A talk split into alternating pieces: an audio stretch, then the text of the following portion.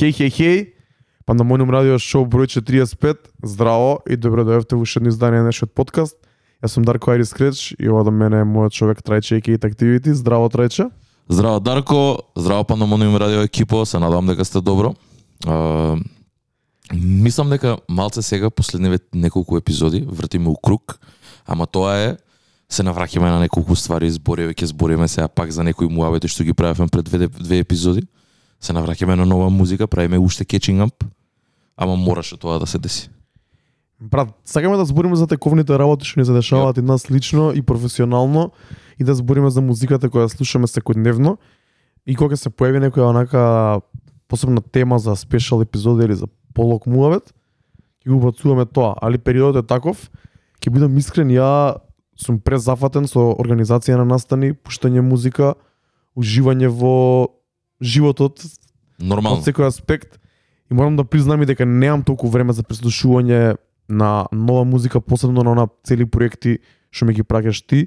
И затоа морам у стар да кажам дека трајче на некој нас, на некој начин не, не носи на грб последниве неколку епизоди со коментари за нова музика, баш ја слушав последната епизода и баш го осетив тоа дека многу по многу подобро ги имаш преслушано работите, ги имаш разработено во глава додека кај мене периодов е малце по површински, поише слушам за да бидам у тек, за да знам што се дешава и плюс да му бидам колку толку спремен за емисиве да можам да ги зборам тие работи. Бидејќи ја слушам музиката што ми се слуша, на пример слушам поише ама пијано, за кој не ќе многу да тупам Јап. тоа.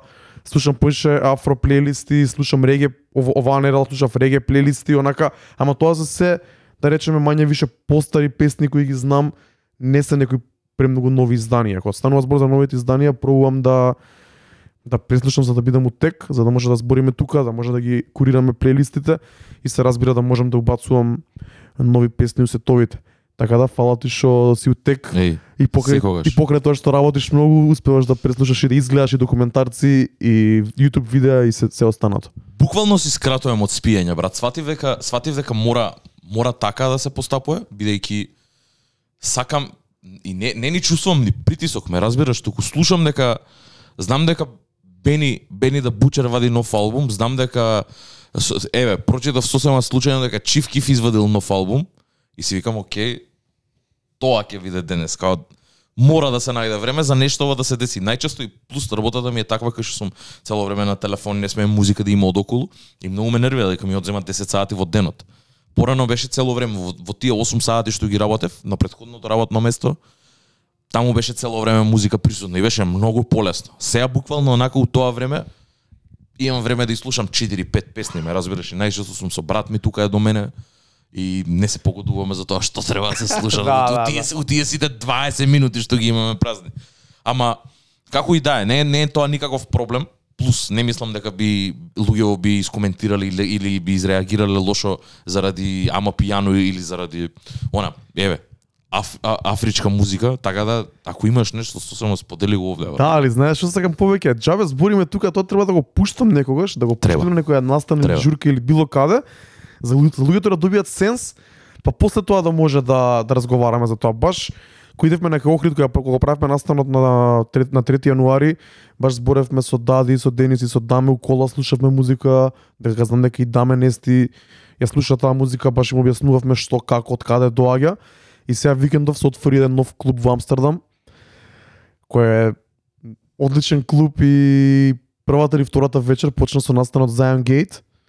Zion Gate е журка на која се пушта повеќе африканска музика, електронски ствари и такви работи и почна со ама пијано. Вигро Дип е еден од најминетните продуценти диджеи од, од Јужна Африка и он беше гостин на отварањето и баш им пратив клипшина од отварањето од саботата да видат атмосфера, али додека некој не е запознат со таа музика, не може да да, да, да ќе ја види атмосферата дека е добра, ама не може да свати што тоа значи. Исто така вчера вечерта што ми се појави и што ми е еден full circle момент исто така, извинете. А, еден диџеј кој го следам многу долго време, може да го имам спомнато тука, се вика диџеј Мома од Нью Йорк. А, имаат еден од нај ќе кажам најпознатите во позитивна смисла, некако најкомерцијалните и најпосетените забави во Нью Йорк и низ цела Америка, иако може би и така, но една од најпрогресивните, најпрефинетите журки која се вика Everyday People. DJ Мома го имам за имам дознаено за, за DJ Мома преку еден подкаст за DJ кој го слушам, кој го имам спомнато тука, The Road Podcast. Е сега, DJ Мома е уствари брат на Бас од е, Од Dreamville. од Dreamville. Јоп. И вчера имаа настап некаде во Јужна Африка. DJ Момо отвараше и пушта прво пушташе хип-хоп во она, па ги загреа со пијано, за после да влезе бас и да, и да настапи. И тоа ми е еден онака full circle момент.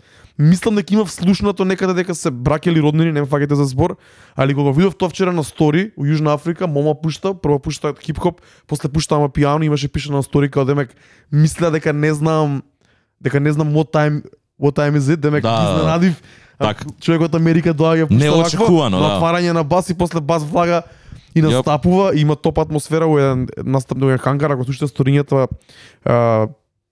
онлайн ќе ти ги пуштам да да, да дзирнеш баш.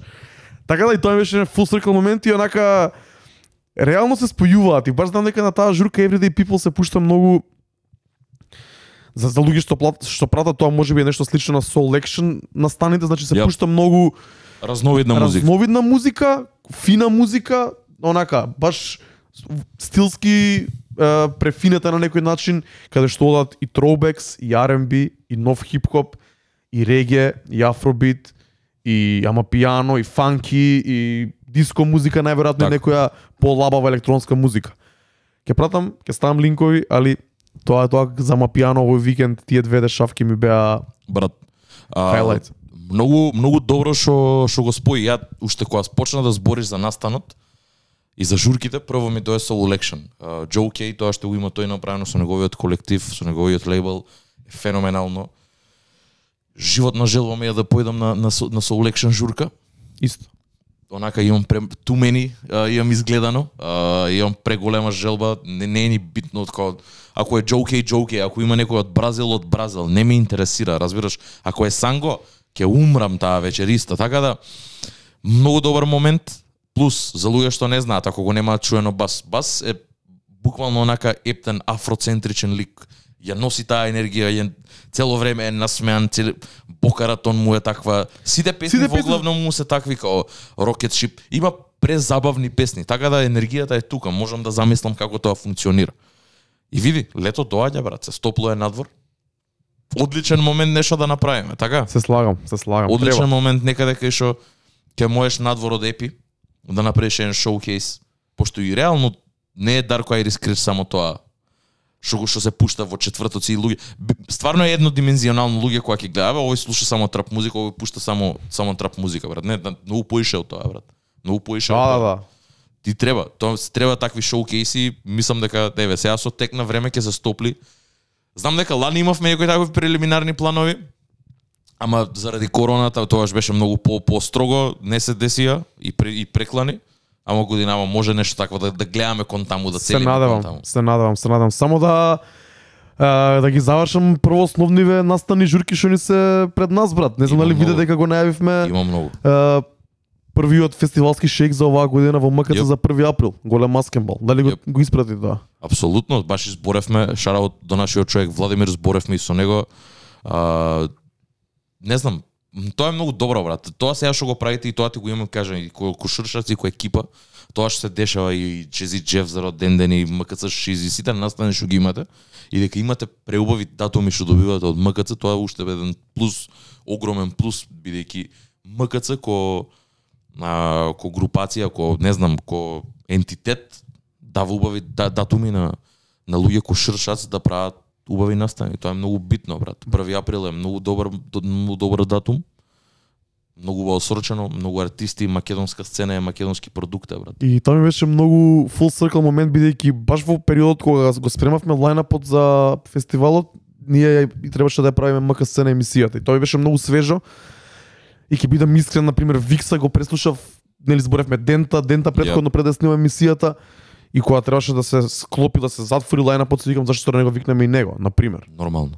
Нормално. И тоа, и тоа го прави нешто да биде органик, тоа го нешто го прави да биде добро, тоа го прави нешто да биде позитивно, брат. Од овде од обичен муавет, од тоа што прашавме 10 луѓе, добивме 10 различни МК артисти, пет од нив ни се свија, Дарко ги викна да настапуваат сега и можеби ќе го имаат и првиот нивен сценски настап од таков калибар. Мислам дека на таков стејдж, во такво венју, во таква атмосфера, мислам дека ќе биде за повеќето прв пат и тоа беше идејата и желбата да се представат артистите со по една, две, три песни кои колку има бидејќи повеќето таму немаат поголем материјал или да имаат не би било прикладно да го настапуваат бидејќи претпоставам дека го од доаѓаат се дојде ни за забава, се Јап. дојде ни за добар провод за 1 април ќе биде маскембал, али мислам дека ќе биде многу добро за артистите, артистите да се спремат најдобро што можат во тие една, две, три песни своите 5 минути буквално да ги искористат се Дефинитивно. представат пред една голема разновидна публика, ќе речем на некој начин, бидејќи веќе капацитетот е доста полн, се купуваат карти луѓе од различни возрасти, различни позадини, различни Јоп. екипи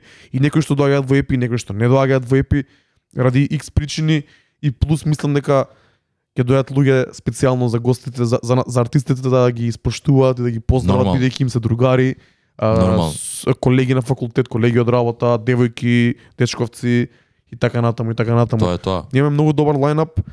Young Daddy е тука, Rager е тука, Вански, ги зборевме овие артисти, Ви- Visionary Records доаѓаат у Јоп. цела постава, Варадон, Викса, од Куманово ни доаѓаат Леопард и Лука Чомбе кои ги имаме зборено во првата МК сцена, во првата Да. сезона.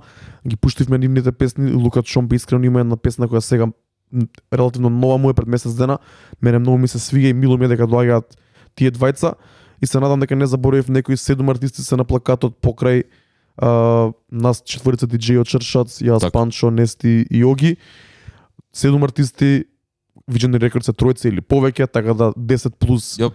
млади артисти ќе се представат во МКЦ и искрено искрен ќе бидам едва чекам да видам кој како ќе се представи, кој како ќе се однесува, кој како ќе се појави, кој како ќе се маскира, кој како ќе која енергија ќе донесе и во бекстејџот, и на стејџот, но и во во самата публика, на самиот подиум.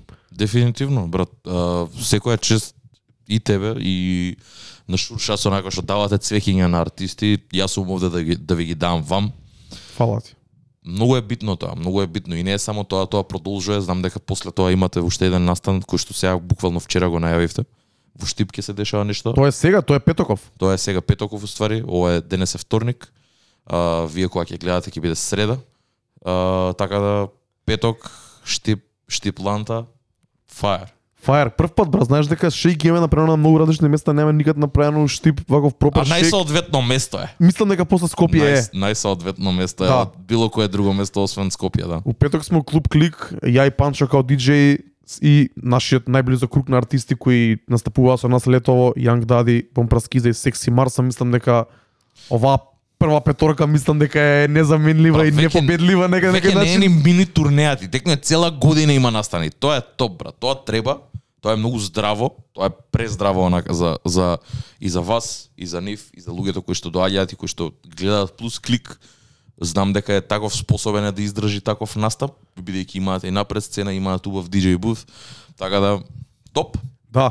А, кој Штип или во околината на Штип вреди да се дојде претходно да ќе правиме припарти во Coffee Lab. Таму прави пуштаме јас и Панчо музика, но пуштаме пуша Throwback 90 2000 Тоа ќе биде припарти, ќе има таму гратис, ќе има пијачки, ќе се загрееме сите и после идеме у клуб. Клик да згазиме у едно фестивалско издание. Убаво кажа, убава забелешка ти беше тоа клубот е многу спремен и мислам дека ќе биде сосема соодветен за ова што сакаме да го направиме ние и се надам дека ќе дојдат луѓе во што поголем број во со што подобра енергија и атмосфера да ни ја дадат енергијата што нас ни треба за еден Апсолутно. пропер фестивалски шеј. Абе види, а, и тоа не ра, као работава е дека се треба да биде на еден начин, барем според мене, моето е тоа, мое мое верување е тоа дека се треба да биде возвратено, брат.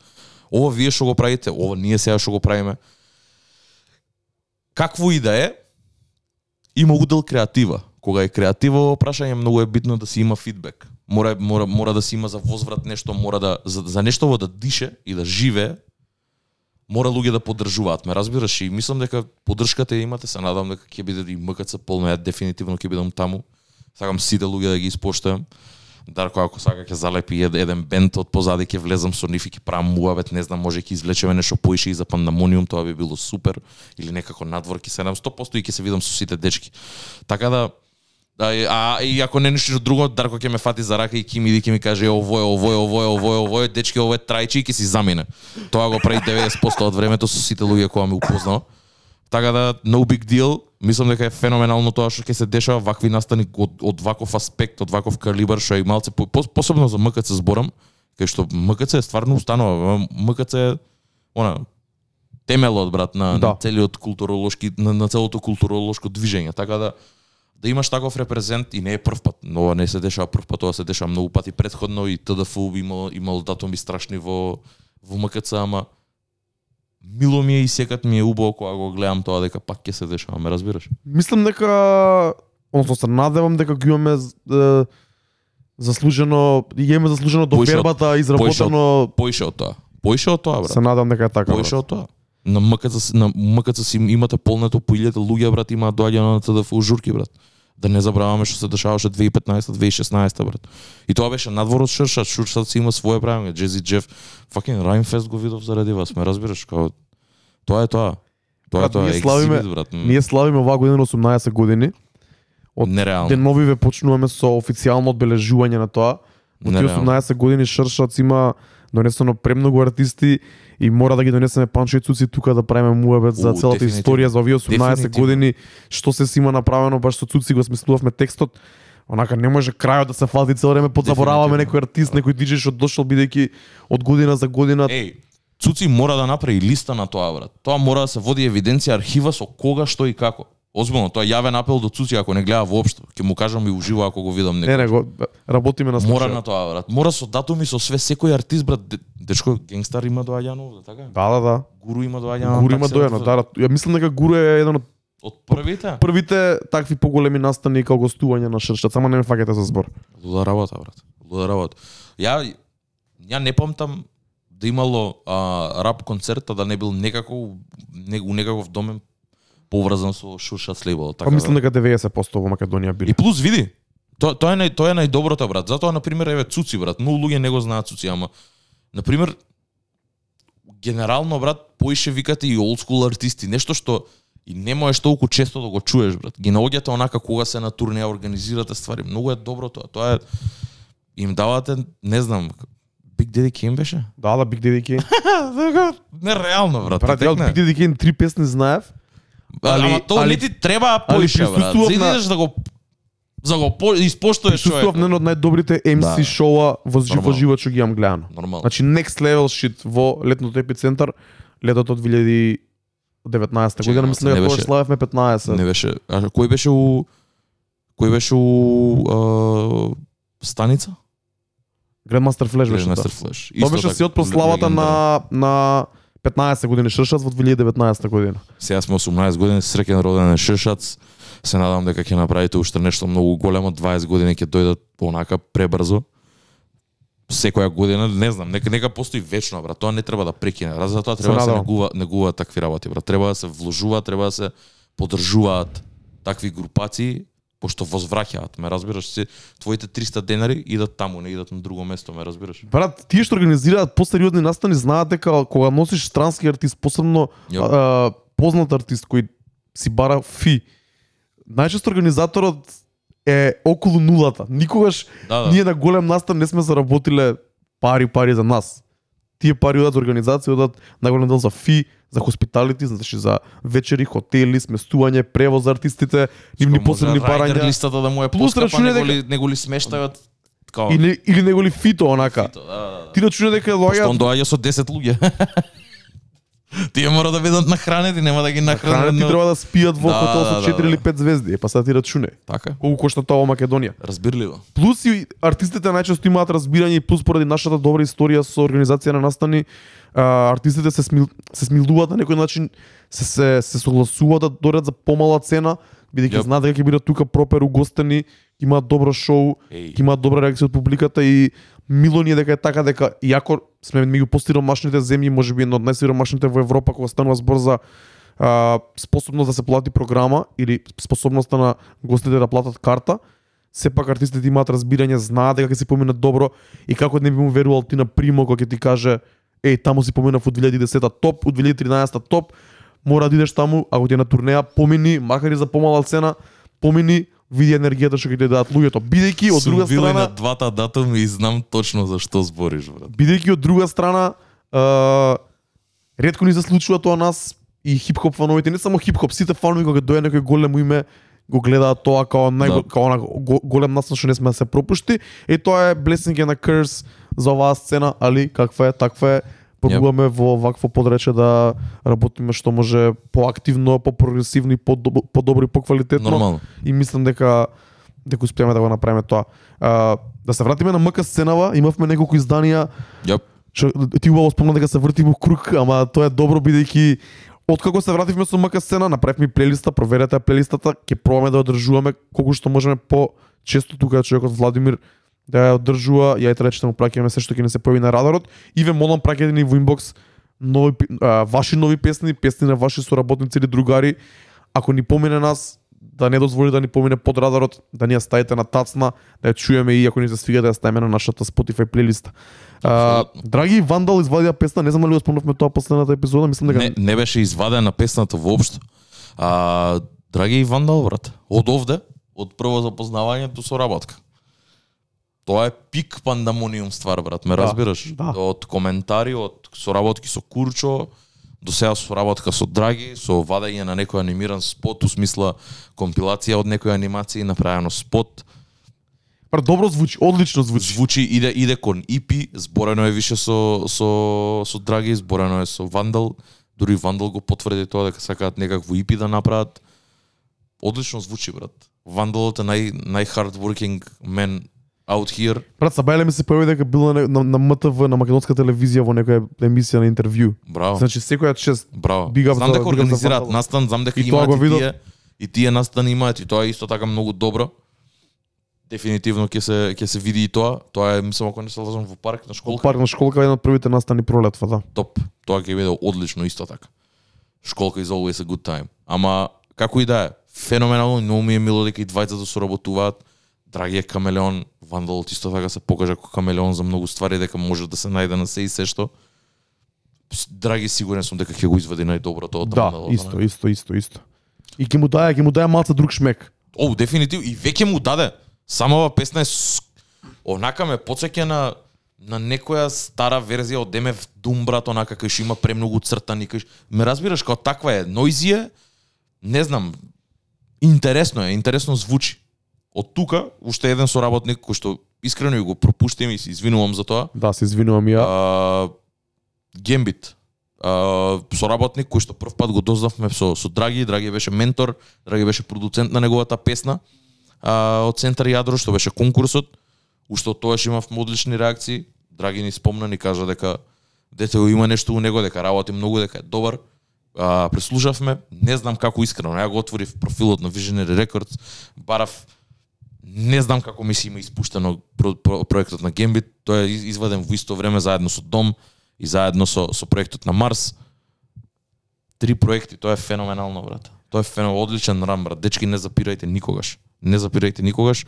Го го скимнав, го мал она побрзо го преслушав, после видов дека па, не знам, се заследивме онака и од Панда профилот, после имаш одлични реакции од МК сцена епизодата и видов дека вади нова песна, баш тогаш беше пуштена во она да ротира на стори као снипец некој да се и после искочи бренда. Така се викаше? Да, да, да. Песната која излезе за 8 март, за денот на жената, во која искрено искрен ќе бидам првиот пат кој ја пуштив и изгасив, што беше премногу in your face, Да. премногу а, како да кажам, не, не знам да се изразам сега за ова брат. Ви пишав и вас во група, премногу ме допре на некој начин. Да. Премногу а, директно ги кажува си, а, проблемите со кои се соочуваат денешните жени од некоја негова перспектива со спотот каде што зборува, има едно столче празно, седи он тука, значи многу е артистично и многу е како не знам брат. Феноменално е, брат. Помогни. Феноменално е. Не, нема нема зашо, брат. Тоа не одзима од самата песна. Треба да се чуе, треба да се Да, тоа викам, да значи спотот. додава на самата песна, значи стварно е сериозна, се, многу сериозно издание, а со оглед на тоа колку е млад, секоја чест немам, Да, оглед друго што да кажам. знам брат. дека Драги која која беше која беше центар јадро целата ствар конкурсот, мислам дека спомна дека Гамбит е 17-18 години. Брат, тоа е пф, Тоа за, за вакво ниво, за маестрално е, ме разбираш, огромно ниво на креативност и на уметност има. Се гледа дека е, е промислено, секој детал е, се, секој момент од песнава, од тој пакет онака заедно со спот со све, тука е брат. Тука е да остане, многу битни теми, многу тешки теми а, е многу искрено со обработени со со емоции, онака се гледа дека е искрено доаѓа од искрено место. Тоа не можеш да го да, го, да не го почитуваш, брат. Ти слушал, не слушал таква музика, брат. Слушај Буба Корели ако сакаш некој ако ти го пушти, тоа не можеш да го исхедиш, што факти се ме разбираш. Само треба да имаш објективност и не може да не ти се свига, не не, знам може да не е тоа. на Spotify, ако е, сигурно ќе немам немам проверено, ама ако е ќе ја ставиме дефинитивно мора да ја слушнете. Тоа онака пак уште еднаш ќе кажам Гембит извини.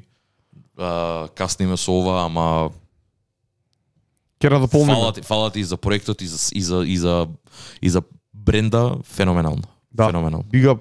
И кон, кон цел Visionary Records, пак ќе кажам, три проекти во, во толку краток период, нечуено. Не, пролу, не, не прекинувајте да работите никогаш, работете на својот крав, ќе стигнете кај што ќе сакате, дефинитивно. Точно. Уште едно издание, последно за за сега за МК сцена за оваа епизода. А, излезе Wave Riders, македонско Јоп. издание. Тие што не знаат Wave Riders еден проект кој го почна екипата на Буба Корели на Јава брат убаво го спомна.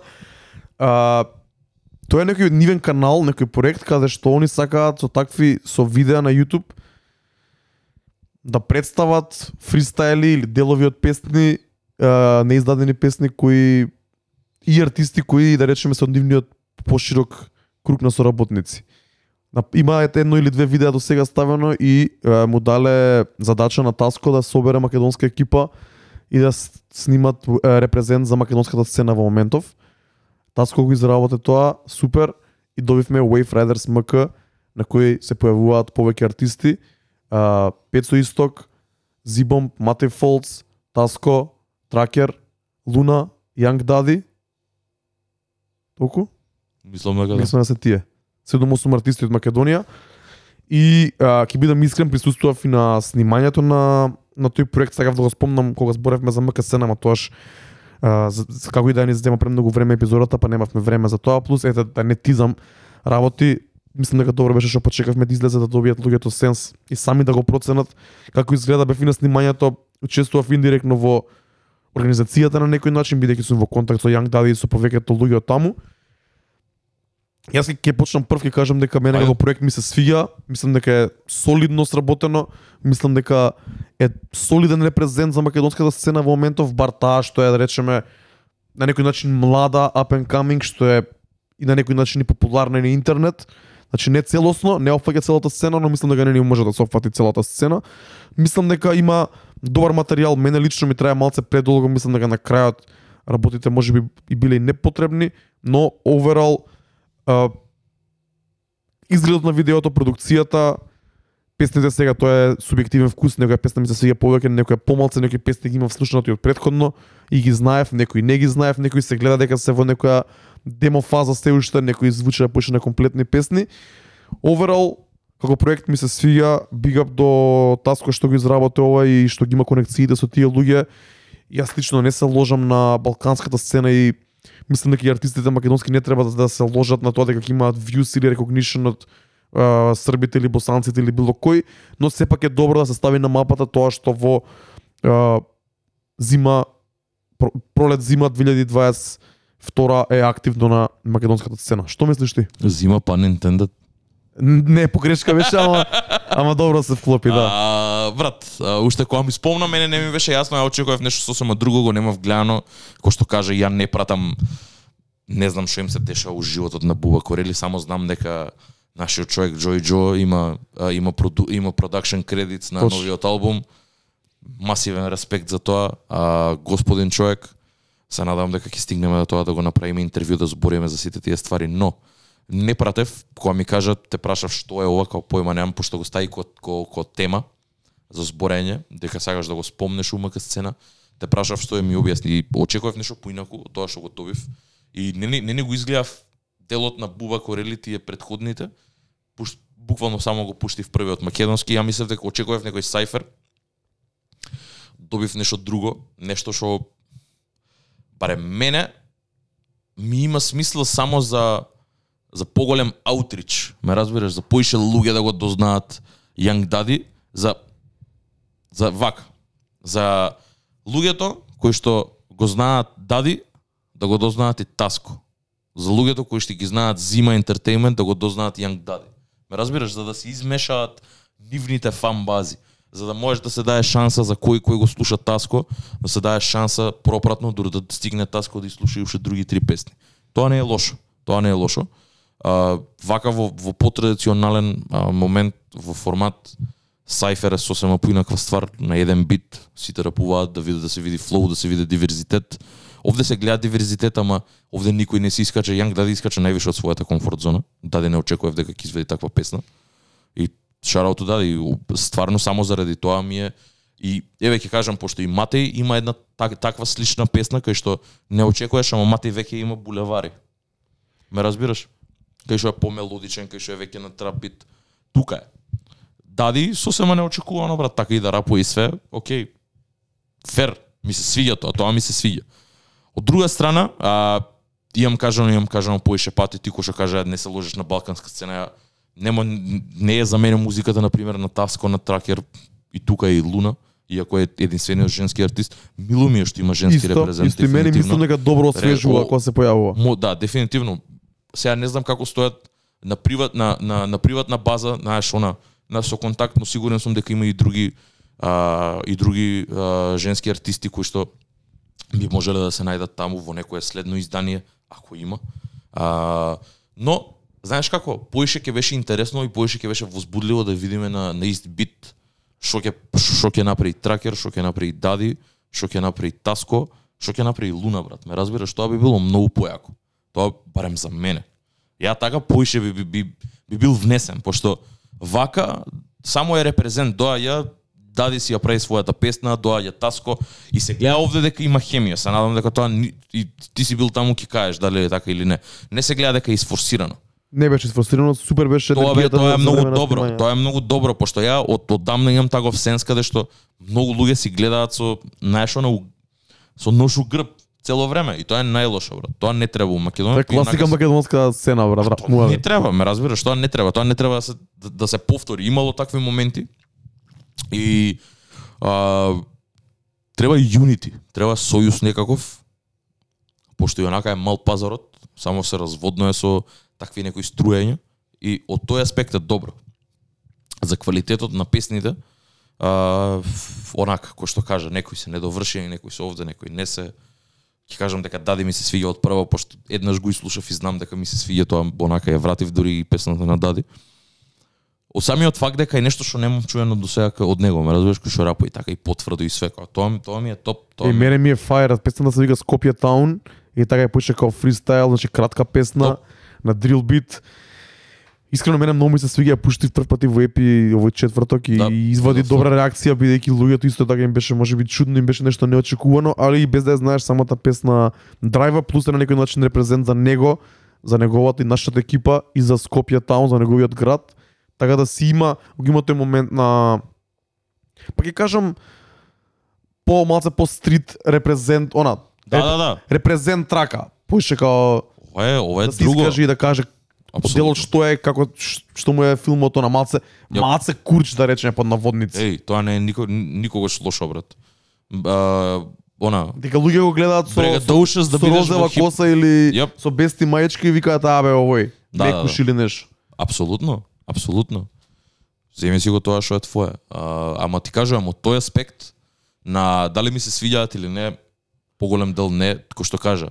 После веќе од кога завршија, од кога завршија сите да по една песна, после веќе тие комбинации со Таско и Тракер, па Тракер и Луна, не бе, тоа не можам, не не ми фаќа ува, ја не сум, ја не сум тоа брат, уште уште кога ќе го чујам битот брат, каков е и тематиката и Глед, сежам онака, не. Добро е дека мене ми се свиѓа дека има диверзитет, ми се свиѓа дека Не, има тоа е топ. ми се свиѓа дека има ете, им, има и дрил, има и по-стрит срање и а, плак ток и секаков ток што и као што, и, и тоа што треба и тоа можеби што не треба, али мислам дека не знам брат, ако земеме сега да цепкаме песна по песна, стих по стих ќе најдеме милион милион грешки, Апсолутно, милион дефинитивно. места кај што може да биде подобро, али за тоа што е, за тоа што требало да биде, јас мислам дека е добро.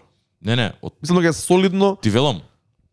од секој аспект мислам дека е како што треба брат. И се надам дека и луѓето ќе препознаат, се надам дека убава забелешка ти беше тоа, дека луѓето ќе си ќе си ги измешаат своите фан бази до некаде, дека можеби некој ќе добие recognition и од странство, и ако не треба да биде тоа, главната цел на крајот на денот се дека чекаме другите да не признаат и да добиеме коусайн од Србија и од Босна и од целиот Балкан или од целиот свет, ништо нема да постигнеме. Битно е меѓу себе нас, ние тука да си, да си ја појачаме сцената, бидејќи ако оче- ако очекуваме дека Јала брат и Буба Корели ќе ни помогнат за нашата сцена, сигурно нема да ни помогнат. Јап. Ќе дојдат у лето ќе имаат 10 настапи, ќе ги соберат парите што инаку би ги земале македонските сами. артисти, ќе си отидат ќе си ги потрошат таму на скапа облека и на И, други брате, работи што ги прават. пишете коментар. Тоа е. А, ја разбирам поентата, а, го сваќам и од тој аспект, затоа реков, за да се измешаат во ред од страна на скил, не мислам дека никој нешто покажа нешто многу. Тука си се, си го прават Брат, своето. тоа е тоа што го прават. Да. Не ни треба да биде покажување на скил. Имаме други Епа. сайфери на македонската сцена, Епа, например тоа, последните ок Ја сайфери ја каде што очекував Сайфер да биде, ме разбираш? Ама не ни треба да се повторува брат. Окс го почна тоа кај нас во Македонија сега бар овој период, последниве 2-3 години, они го прават и мислам дека треба да се го продолжат они да се го прават. А Ја, ова е нешто Иако сосема немаме друго. одамно.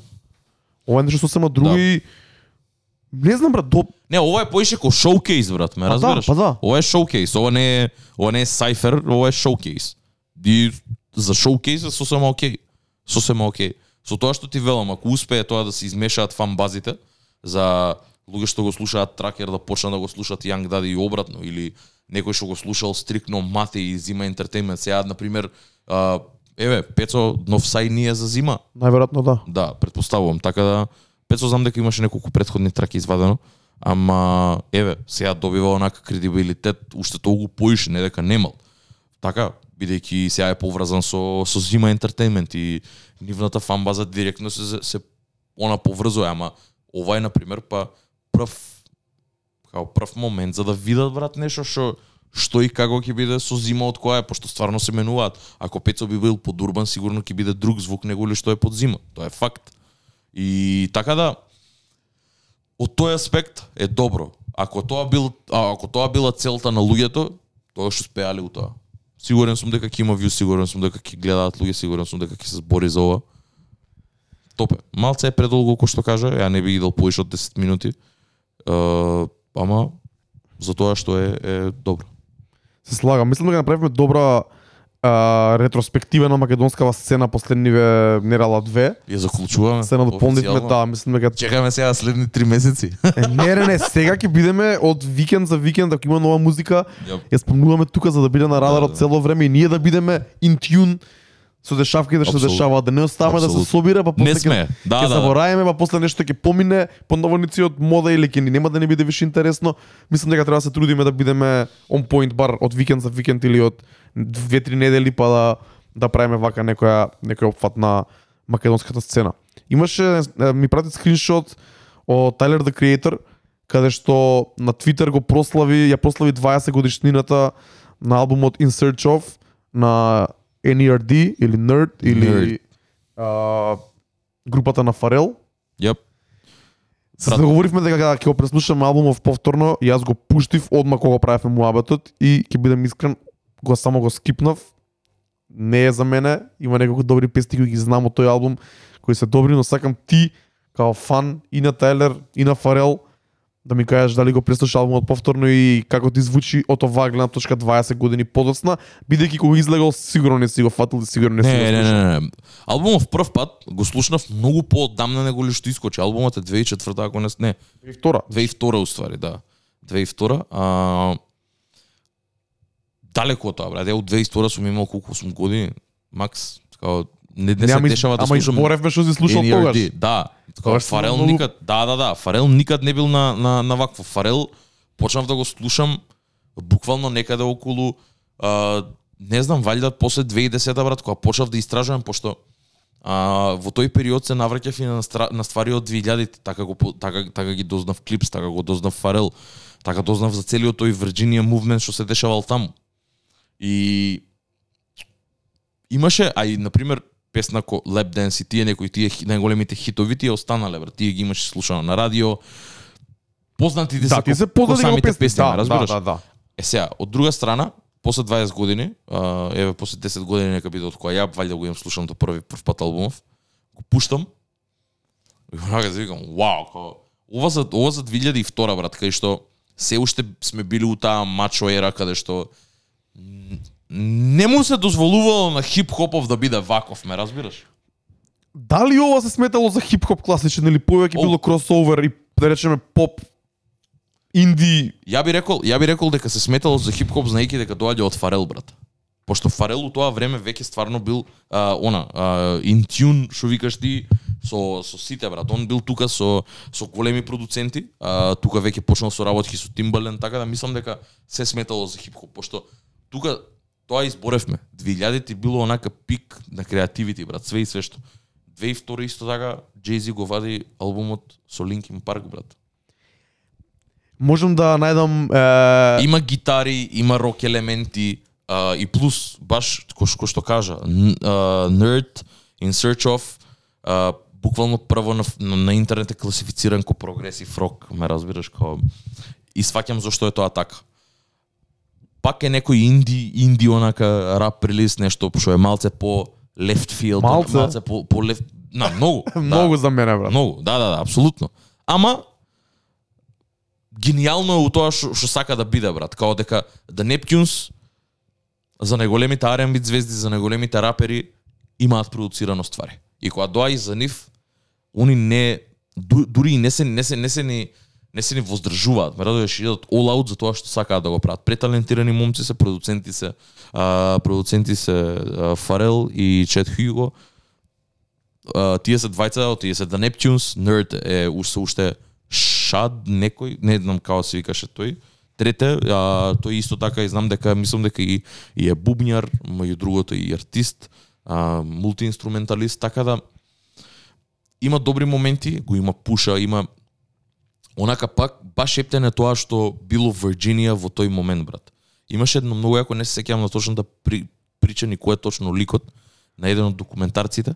А, кај што се збори за Фарел, за цел за целиот тој Virginia movement. Тоа е на хип-хоп на хип-хоп еволушн. Hip Hop Evolution, каде што се збори каде еден екзекутив го бркаат од работа таму и дознава за некои деца дека прават чуда и чудеси, тој тој правил у 90 и у 80 а, правил страшни R&B хитови и доаѓа овде и го упознава Фарел на 16 години дека кај што бил некој онаков плюкнат у Норфолк, Вирджинија, брат. Тоа е кантри, брат. И друго, гитарите не се за џабе, брат за луѓе што не знаат, еве мене тоа ми е работа сега, но на Ам- Америка географски ја знам цела на памет. Вирджинија е брат кантри. Тоа е буквално онака, таму има планини, таму има таму има country music брат, таму има гитари, таму има банджо, таму има све брат. Не е за джабе тоа така, ме разбираш, си има елементи кои што влечат и од нивната позадина. Таму има стварно такви country folk, каде што има country музика, има развиена country сцена. И мислам дека се си доаѓа со причина, баш ги репрезентира нив кој што се од нивниот апбрингинг. Затоа и пушат ти е толку поразличен, брат. Нек ни баш гледав едно видео за Пуша каде што тој е фактички роден во Бронкс па се враќаат да живеат во Вирџинија и цело време патувал у, у Бруклин да иде да си купува ствари, да се облекува ново, да да да да биде фреш онак. Ама вика Вирџинија made me дека имало и таму гета, ама се било малци испревртено вика и затоа вика они вика кога носеа Air Force Ones, ние носевме вика Runners, Као ние носевме New Balances, ние носевме такви ствари. Што значи дека и целата естетика била друга и нормално е и, и хип-хопот да биде друг. Тоа се одразува и во начинот како се облекуваш и во начинот на како звучиш.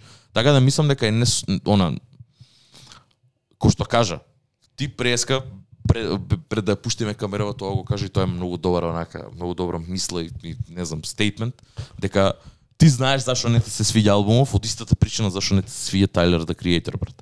Да.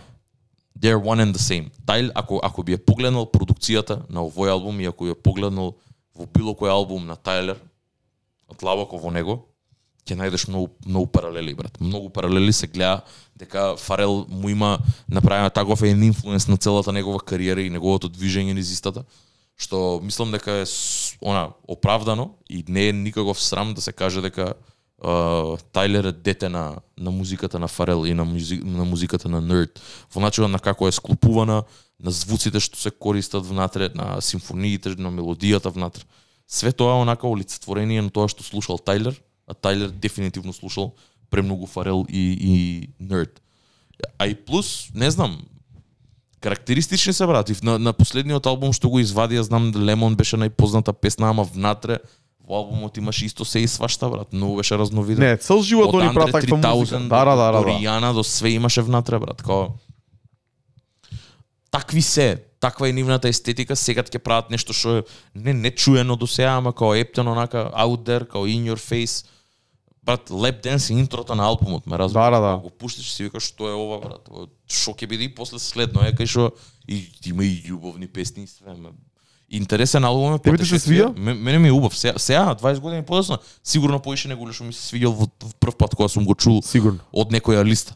Ама тоа е дека до сега и мене и јас си го имам она прифинето мојот вкус за музика, ме разбираш, сега знам точно од една песна што ми се свиѓа, можеби таму гитарата ми се свиѓа, можеби и вако. Не знам, вредно, вредно е песни за различни ствари, не можам точно да ставам зошто, ама знам дека ми се свиѓа, знам дека можам да го поштојам за тоа што е. А, за некои артисти исто groundbreaking, а и плюс има продаено премногу вакво, има премногу мислам дека е Platinum, а, мислам дека има поише certifications, мислам дека и, и самите синглови имаат внатре. А, било исто така одскочна таска и во 2002 и за клипс, за тоа посебно за Пуша Ти, да се најде на таков албум за да биде дознаен после. Пет Райли, ако не се лажам, беше човекот. Не, Не, Пет Райли е поврзан со кошарка, со Мајами нешто, не би требало. добро, не би требало да е тоа, се збунив нешто. Или Теди Райли, нешто Теди такво. Рајли може да е. Теди Райли е, брат. Теди Райли е продуцентот, да. И така да има многу и затоа затоа е тоа толку добро, брат. Америка е толку голема што такви некои мали мено, ма, ма, мали феномени, на пример, географски се тоа, ме разбираш, тоа е Вирџинија, брат. Никој не би очекувал, брат. Джей Кол е од, од, од North Carolina, брат, од Fayetteville, брат, никој нема искочено од таму, ме разбираш. Джей Кол е од Луивил, Кентаки, брат. А, Джек Харлоу, од Да. Луивил, Кентаки. Тие се такви мали феномени кај што секогаш ќе направат дупка у хип-хопот, брат. Не е исто да потекнуваш од Нью Йорк и да потекнуваш од, од Сейлем, Вирџинија, брат, или од Норфолк, Вирџинија, брат. Не, не е исто. Не е исто. Тоа, тоа си носи онака посебна Точно. тегма, брат, по, само позади себе. Таму е бекграундот, затоа е толку хип-хопот она диверсифициран, толку е различен, толку е разновиден, брат. Пошто ти ако не знам, ти ако ако живееш у некој одредено обкружје, таков хип-хоп ќе правиш, брат. Ти немаш друг избор, ме разбираш. Се друго е фейк. Се друго е фейк. Се друго е фейк. Твојот твојот рап треба да биде олицетворение на тоа што се тебе што те обкружува, брат. Се се друго ако кажеш фейк. Точно брат, и за тоа и се дешаваат многу феномени као појавата на дрилот во Чикаго на пример. Почетокот на преходната декада. Легендарно. Баш сега оваа нерала наполни исто I don't like од Chief Keef наполни 10 години брат од вадење на YouTube. Знаат 10 години помина од I don't like од Chief Keef ти се верува? Страшно.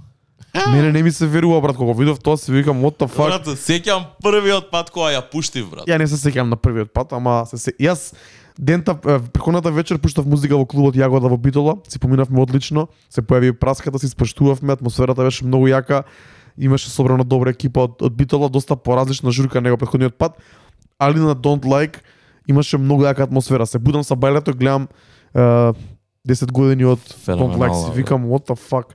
Класика, брат. Ја Да. морам Certified Classic и тоа онака без размислување класика една од песните кои на повеќе начини имаат одбележена претходната декада. Брат, Трап оста, ерата- остави, остави дупка, остави дупка и заче, она, буквално остави м, трага.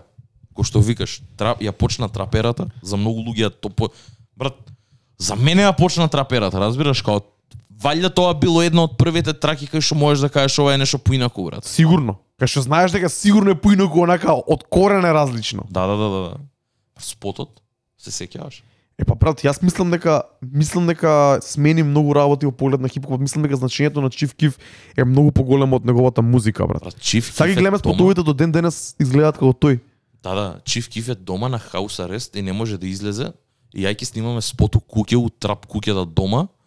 Дрога секаде околу нас, Голи? сите голи, брат. 30 мужи собрани у куќа, брат, од 60 квадрати.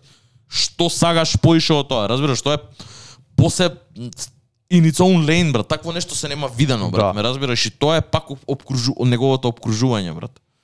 Тоа е Чиф Киф, тоа што го направи за тој момент и после тоа буквално одма после тоа да се појави и Лил Дърк кој што ќе го збориме за кратко.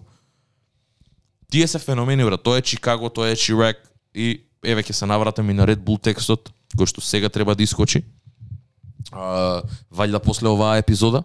А, има една има има една еден документарец Welcome to Chirac феноменален брат. Ти дава ептен онака Чифкив не може да го најдат.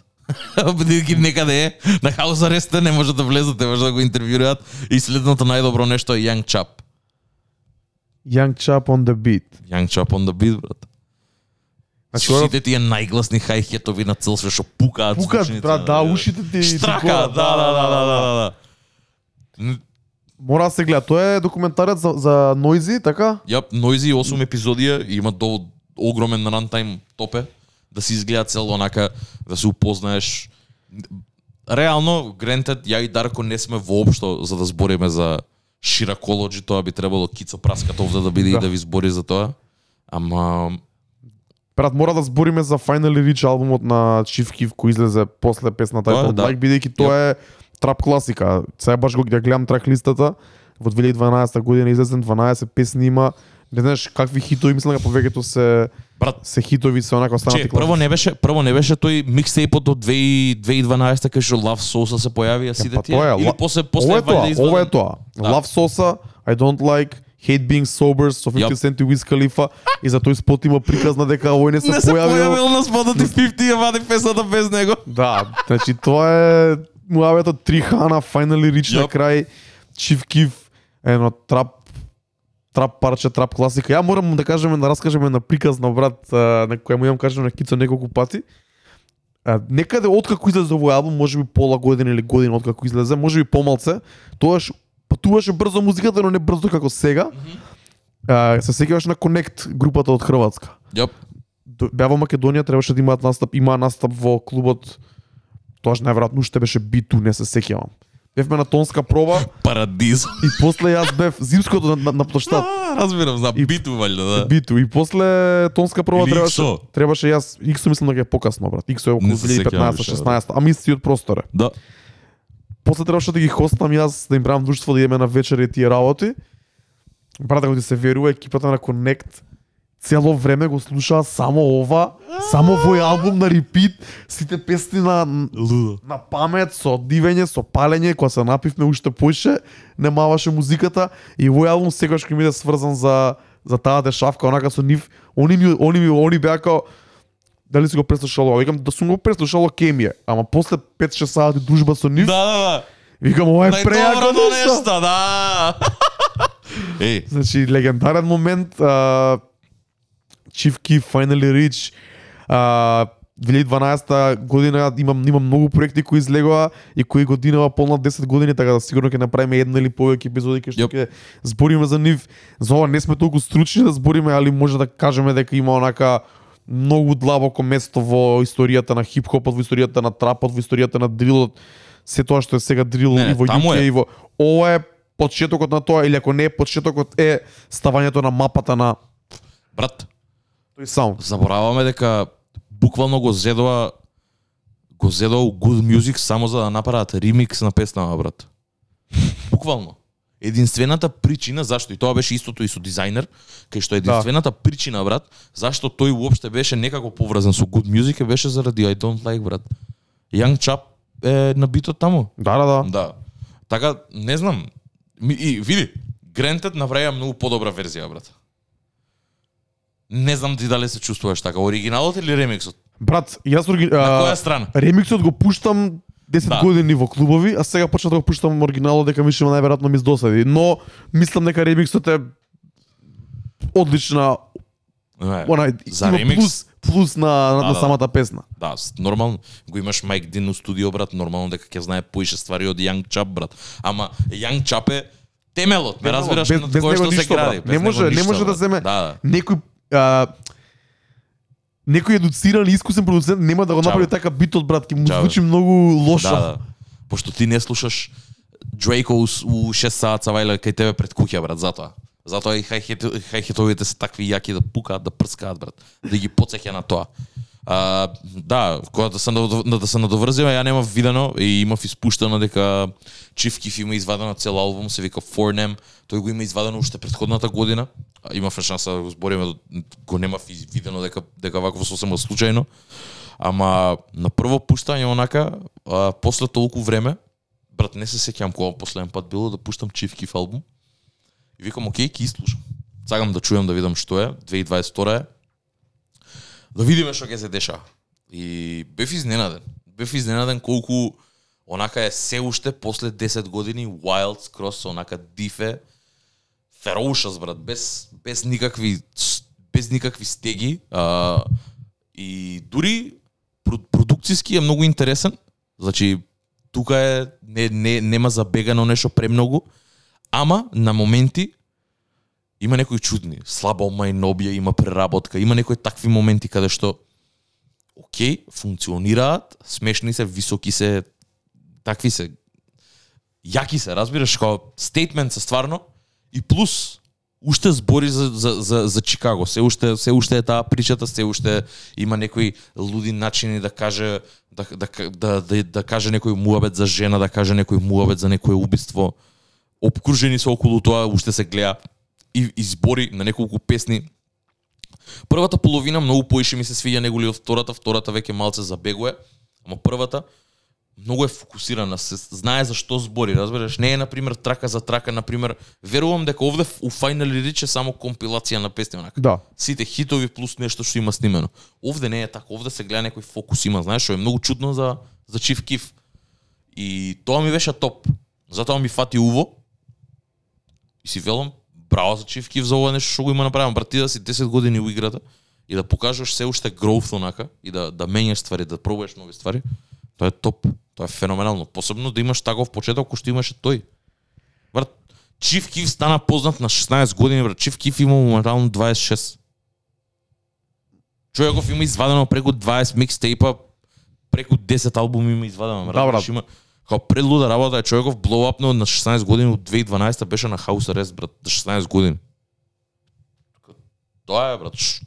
Тој уште ако има сила нешто да прави брат на 28, тоа е на 26, тоа е топ. Да, да, да. Не знам, јас брат од- одамна не не пуштам да преслушам ништо од него, дури ни синглови. Ова е прв пат, ова е прв пат. Сигурен сум дека има албуми и од претходните години, брат. Сигурен сум. Не ни знам, не ни проверив. Ама овој го слушнав и онага си викам, еј, топ, ме разбираш као, преинтересно е ова дека се дешава. И шараото Chief Keef за тоа. Во некоја наредна прилика се надевам може Е, овде нека седне кицо и нека збори брат за тоа. Да, да, да, ќе му дајме два сати да раскаже историјата на на Шайрек. Кога сме кај Шайрек мора да спомнеме Лил Дърк, брат. Еден човек кој се појави исто време со Чивкив, може би за нијанса после него. Јоп. А, имаше еден краток ран тогаш тој период. Имаше неколку хитови. This Ain't What You Want и неколку хитови други Швајна, во, Швајна, јап. во таков која стар дрил момент Да, да, да. звук. После го снема едно време. За пред Јап. 4-5 па не, не се ни 4-5, пред 3-4 години да се врати на голема врата на сцената, брат, и да биде као она направи реинкарнација на своето на својата музика, на својот бренд, на својата ар, артистичност како ар- како артист, го смени саундот, тематиките ги подсмени малце и мислам дека конечно дојде неговото време. За сега да извади нов албум. Јап. 7220. Види, а, 7220 е новиот албум што го извади буквално пред некој ден. Чартинг беше уште само со првиот сингл, што е прелудо онака такви бројки ја прави. Има многу голема кор фан база, ама тоа се должи на фактот дека е стварно реал, стварно Да. е она искрен во тоа што го и дури и каверот е онака со но, мислам дека е тој сам во сликата. Сигурно е тој. Да, личи на него. Личи на него, да. А, брат, дури дури и предходните албуми, значи и предходниот на пример албум со Lil Baby, со Lil Baby беше. Сега овој Да, да, да, да, да. со Lil Baby. Voice of the Heroes. Vo- Voice of the Heroes, да. А, и тој албум немаше некои хитови, исто така направи бројки. Неговите предходни ствари. Брат, тука се неговите King, King Von, неговите Signees, OTF, целата екипа. Буквално Back in Blood, Push Ice Имаше многу моменти ни со овие сите три години, плюс Дрейк, си целиот коусайн, целата љубов што ја добива од Дрейк, брат. Не само не, не само за не само за не само за колаборациите, ама туку и за и за онака општо поддршката што ја добива од од целата сцена. Многу е добро и стварно кој што кажа се реинвентна, уште од тогаш беше онака дрилер сега веќе има некои моменти малце кои што ми се леим кај него, затоа и во голем дел не можам, па тоа кој што кажа брат. Се гледа човеков дека има поминато многу, го сваќам тоа. И веќе ми е played out. на еден начин. И Ама го живее тоа. мене со овој албум Знам дека го живее тоа. Со овој албум ми е више малце досадно предходниот негов албум кој го удапа во слушање кога почна короната, кога фатија карантини, тоаш мислам дека излезе Just Cause You'll Wait It, двојката. А, тој го удапа во слушање, таму имаше супер песни и таму е таков малце плачко, мелоу, љубовен, тажен на моменти. Таму ми се свигаше, тој ми одговараше со сетингот во кој бев. Сега, од едно слушање на овој проект, повеќе ми отскокнаа песните кои се по-клубски, кои се по-тврди на некој начин, а кај ше удлабокото не ми Јап. не ме вози толку многу. Мислам Да, дека е премногу не премногу стар, не е никој е, никогаш стар да се осеќа на начинот на кој што се осеќа, него не знам дали сакам од него да го слушам тоа, брат. Да, да. Иако по тоа е познат. Навлезе недлабоко, иако сега мислам дека е преселен у Атланта. Сега веќе не, не живее у Чикаго, избега од таму. А, мислам, избега. Се тргна едноставно од Чикаго, од Облак се тргна. А, ама почина Кинг Вон, Кинг Вон му беше онака блесинг, најголем, тоа што се деси со Кинг Вон исто така многу жално. Почина братучет му, знам дека имаат поише мемберс од OTF групата, имаат починато буквално е буквално се деси нешто пред два-три месеци некој исто братучет да му почине исто така го убие у Атланта. Таков му е животот, брат. Валја тоа му се деша ептен, не може да го не, не може да го поднесе генг violence не прекинува во Америка си да си дипли рутет таму, Да. таков системат, систематски се поврзани со целиот криминал. И жално е, разбирам од кај доаѓа, ама ти викам, веќе ми е плегдал онака, а, не знам, смени го тоа на подобро, дај им сите дај им пари на сите црнци, за нека завршат со креки. Нема шанси, брат, и они и он го живее тоа и мислам Сигурен дека сум, сигурен сум, разбираш како тоа е. А на пример за такви моменти кај што на, на, на песна на Дрейк ја, и го шараутно на бизнисот на девојка си за да направи поише пари, тоа го поштеам, брат. Тоа е уири, тоа е интересно, да, смешно. да, да, да, тоа е добар Од, момент. од тој момент ми се свиѓа Лил Дърк каков е, брат. Таков е, многу е лабав, брат. Тоа е добар момент, да. Ама едно е ти да имаш добар баланс на тој генг лайф и на тоа свет на, на твојата кариера на, на тој естрадниот момент, ме разбираш? Мора да има некаков баланс. Е сега овде веќе поише она про bleeding out, као тоа поише се појавува овде во албумот. Таков е тажен, меланхоличен, е збори за сите тие ствари. Не е нешто што би го слушал, ама вака, ако си кажам, еј, чеј, да видам Lil Durk што има извадено, ќе чујам и ќе ми се свиѓа, ама нема да го пуштам пак. Ја мислам дека ќе го преслушам уште еднаш да видам што можам да ставам по плейлисти, да видам што можам да ставам у Сарато и да Што викаш ти? Да видиме што до, до кај е Дрк и што има да каже моментов. Од прво слушање ми помина окей. Знам дека на Оги му се свигаш, Оги ми го пофали доста и верувам дека и има голема публика на која ќе ќе се допадне проектот. Сигурно, брат, ја верувам дека ќе направи големи бројки. Верувам. Значи Лил Дърк има огромна фан база, да не се лажеме, луѓе многу го сакаат. А, онака дека и од, од самата причина дека е, е deeply rooted, deeply rooted in Chicago, има многу големи врски у Атланта, соработува со најголемите артисти, а не е еден од најголемите артисти, ме разбираш, да. го сакане од сите, all around, го имам Мајами на грб, онака, пушај си, сите се тука, цела екипа има многу љубов кон Лил Дърк. Има премногу љубов кон Лил Дърк, само што пак над my cup of tea, ама на пример ако би извади албум, ако би извадил нов албум, ќе го преслушам пак ќе фрлам уво. Сакам Да, да, да. видам до кај што. Треба, треба. Ама не сум таков да кажам следна недела. Сигурен сум дека нема да кажам следна недела, ја е да го преслушам пак. Добро, фере и тоа, слушаш друг тип на музика. За денеска спремевме многу музика за зборење, али некако се задржавме така да мислам дека е најдобро да завршиме со албумот на неделата според тебе, ако не се лажам, тоа е Benny the Butcher, Јап, Tana Talk 4. конечно. Тоа е саундот што го слушаш, тоа е саундот што го сакаш, тоа е саундот што го промовираш уште од самиот почеток на Пандамониум радио и морам да признам дека покрај тебе, Буци и неколку други луѓе кои го слушаат и мене лека по лека ми легнува. Ќе те ти да почнеш да збориш за овој албум, може да малце историја, самиот албум, малце ревју, па да кажеме ја моје мислење и да ќе бидам брз да не се задржувам.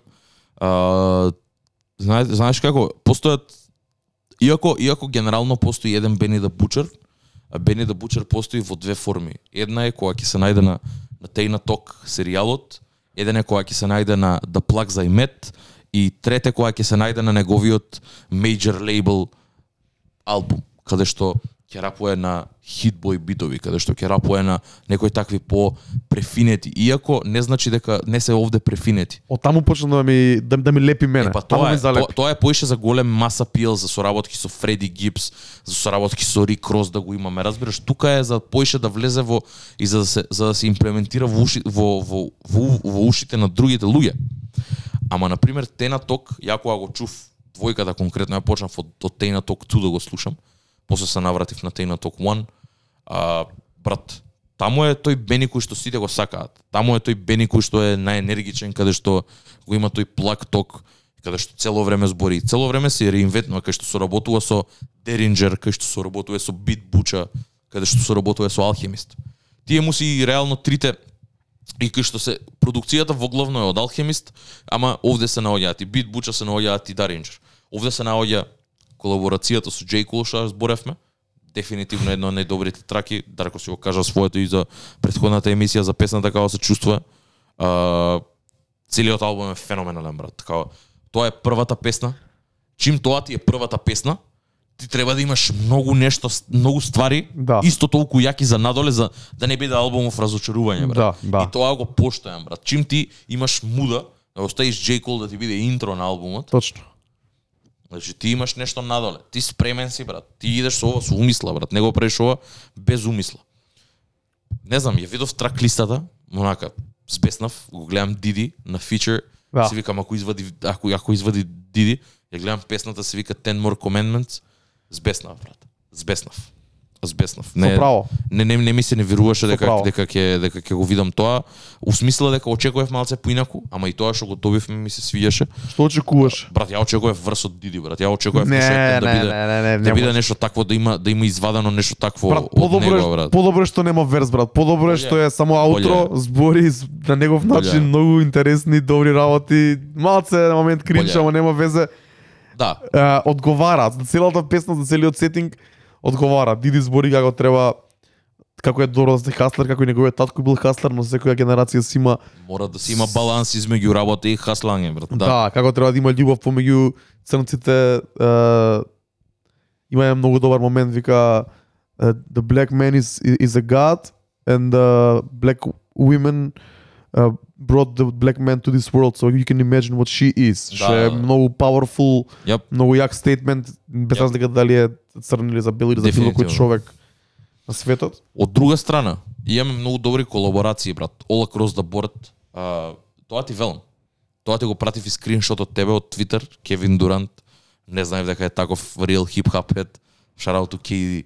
А, Stove Stove Stovgat Cooks, еден артист кој што го имам зборено лани, а, еден го извади еден од најдобрите албуми за мене за таа година, Reasonable Drought, а, као, ко, ко омаш на Jay-Z, а, заедно со Рок Марсијано продуцент и многу добар рапер, каде што овде а, Back Back се вика песната. А, онака страшно. Дури може ми малце и боле онака како guilty pleasure ми е да кажам дека ми е боле од песната со J. Брат.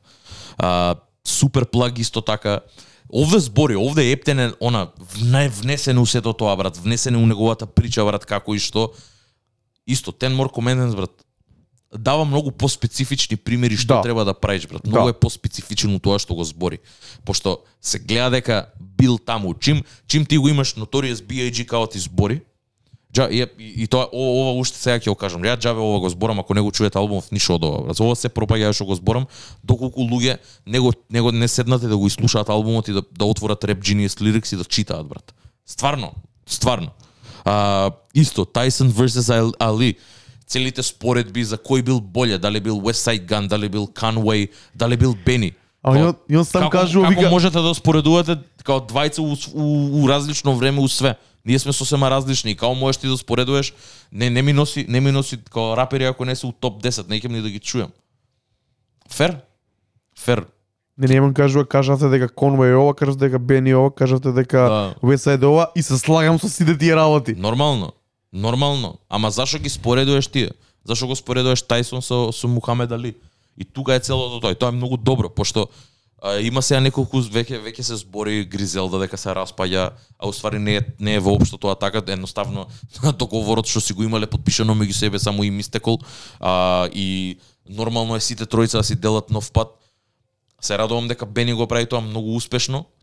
Овде го има на албумот 38 Pesh, тоа е исто таков негов сајни од BSF. А, многу добро исто квалитетен рапер, многу е потврд, го нема тој апил кој што го има Бени, го нема не е толку смут кој што, кој што е Бени, ама за луѓе кои што ја, не, ја сакаат оваа музика и ја слушаат стрикно оваа. 38 Special им е топ. А, исто го има го има и Westside Gun, а, го има Болди Джеймс, има цела Гризелда екипа ко- како и секат, ама албумов е краток, 12 песни. Тама не брат. Ама топ е, брат. Разбираш, толку е многу полн со информации, толку има ствари внатре за да ги онака раз, разглобиш, за да ги отвориш, за да ги прочиташ, за да ги за, за да ги почувствуваш, што онака ти се чини кој да е саа типол. И стварно сум воодушевен. Стварно сум воодушевен од продукцијата на Alchemist, на, на Derringer, на, на Beat Butcher. Алал нека има, брат. У 2022 ваква музика, со ваков, со, со ваква брзина ти да вадиш, брат, Alchemist нек не извади албум со, со, со Currency го зборевме. Зборевме Како епизода. Збориме сега, ме разбираш. Лудо е. Лудо е, луѓе ќе помислат дека ние, ние јас дека сум најголемиот олдхед, брат, ама човеков не ти дава да сопреш за да не збориш за него. Тоа е тоа е консистенси и ски, брат. Се слагам. Не те вад, не, он не ти дозволи ти да, да ти да Се, по сама да не го извадиш од уста, ме разбираш како. Тоа е, брат. Вади албуми цело време и тера да збориш, брат, пошто работи со твоите омилени рапери, брат. Нема нема боле формула за за успех, брат, за да за да останеш запамтен кај луѓе, брат. Само биди конзистентен, прави го тоа на најдобро што можеш да правиш. Не знам, за луѓе што сакаат да чујат нешто поразлично, ако немате слушното до сега Гризелда, ова е одличен. О, ова е најдобриот Тейна Ток албум до сега. Иако мене на пример Тейна Ток 3 97 Hove ми е едно од омилените песни од од од Бени. Ова е врв, ова е врховно. Овде го имате Джей Cole онака за да ви дае и да, да си го пушташ и да си кажеш и топ. Cole, ајде да видиме и после да западнеш у нешто друго. Ама останете до крај на вожњата, нема да зажалите дефинитивно. Да, намо- интересни, интересни причи се, пробајте да се поврзате, да се ставите у него вакво да има, да видите кај све што све има поминато у Бафало, кое што Бафало, Нью Йорк не е, ни- не е ни приближно Нью Йорк, туку е поблиску до Торонто. Да. И е времето многу лошо и цело време е онака гадно на некој начин. Да, дефинитивно, дефинитивно. Добар е, мене ми се свиѓа, на моменти ми е претврд за мој вкус, но таков и треба да биде тој. Тако треба, о, да, за, заради тоа е Тейна Ток фор, брат. Али има многу добри траки од 12 траки, ја 4-5 би ги одвоил. Тие што ги спомна ти се слагам. Uh, интрото со J. Cole, Johnny P. Scary, мислам дека не ни се поклапа звучно толку со целиот албум, но добро да биде како интро. Ten More Commandments е тука хайлайт и поради тематиката и поради се друго, но мислам дека е одличен е целиот проект, брат, и секој следен проект, секој следен месец влагаме подлабоку ова. Што е добро. Како го кажува, да, да, да. Како го кажува целиот целиот тој муабет за како дилал дрога, што правил, како правил, како хранел луѓе од една од една цигла, ме разбираш? Го го прави толку онака добро, толку испланирано, што дури и човеков не можеш да го инкриминираш за нешто, разбираш? Таков е паметен, брат. Тоа го избори у музика, брат. Јас зборам за ова, ама јас знам како да го кажам нешто, како да не можам да се инкриминирам, вие се инкриминирате самите пошто не знаете како да го искажете. И, и у тоа има маестралност, разбираш, пошто човеков валјда се уште има некој репшит у Buffalo NYPD, ме разбираш, не не е туку така. Да, сигурно. Така да феноменален е, многу се радувам дека ова вака дека се деша дека збориме и се поише и поише збориме и за Conway, и за West Side Gun и за Гризелда. Бени ми е дефинитивно умилен, ми се покажа кот, ко таков uh, Conway нек не извади албум, сега о, сигурно West Side Gun ќе извади задутре, онака ќе се деси да извади uh, Hitler Wears Hermes 9 како извади, така да дечки за музика и за колку можете длабоко да влезете у неа, ова е ова, ова е дефинитивно нај онака нај најплод нај, најплодниот лейбл барем според мене. Ќе ги ставиме песниве на плейлистата. Ја, дефинитивно. Мислам дека сме за денеска таман. Чујте ја плейлистата, ќе ставиме некои песни кои не стигнавме да ги спомнеме во денешната епизода, па ќе ги спомнеме следната. Апсолутно. Имате преслушано да може да се поистоветите со мобетите што ги збориме или па да ни пишете кое е вашето мислење, па ние да може можеби ќе изградиме мислење врз основа на тоа. Мислеле сме таман за денеска, брат. Топе. Не стигнавме некои работи да ги збориме, пак се задржуваме. Имаме Ама- следна епизода. След секогаш, да, секогаш не нема да остане нешто некажано апсолутно. Де, тоа е, ама мислам дека имаат луѓето доволно материјал до следна недела онака да изслушаат. Да. Само само тоа ти велам, ако а, е, абе еден да најдам така што што што ја дели истата љубов онака за за да збори за музика, бе, тучек ќе направиме. Разбу, у смисла тучек као на позитивен начин, као ќе ќе се караме у коментари, ќе збориме и ќе коментираме. Така да ако има некој таков слободно коментирајте. Јас сум таму цело време, ако се деси да коментира некој ќе вратам, посебно ако е некој тейк што го имам ја или Дарко кажано, зашто и да е. Позитивно, негативно, тука сме за све да, Да. збориме и да да се објасниме нормално. Овие гледишта се наши и се субјективни на еден начин, иако пробуваме да бидеме максимално објективни што можеме. А, да нема, на пример, лични некои замерки или нешто такво у смисла како гледаме објективно на музиката.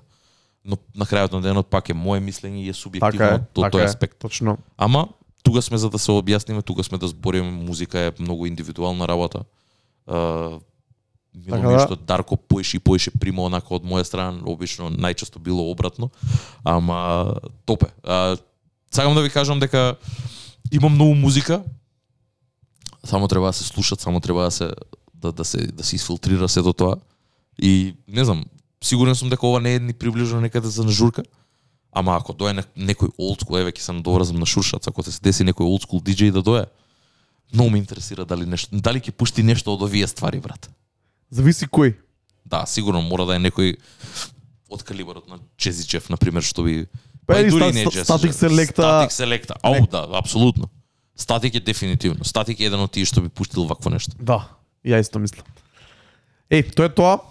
Фала ви, пишете ни коментар, слушнете плейлистата, пишете ни у инбокс било што. Пандамониум радио шоу број 45, се одјавуваме тука. Јоп. Поздрав и се слушаме пак наредна среда. Чао. Чао.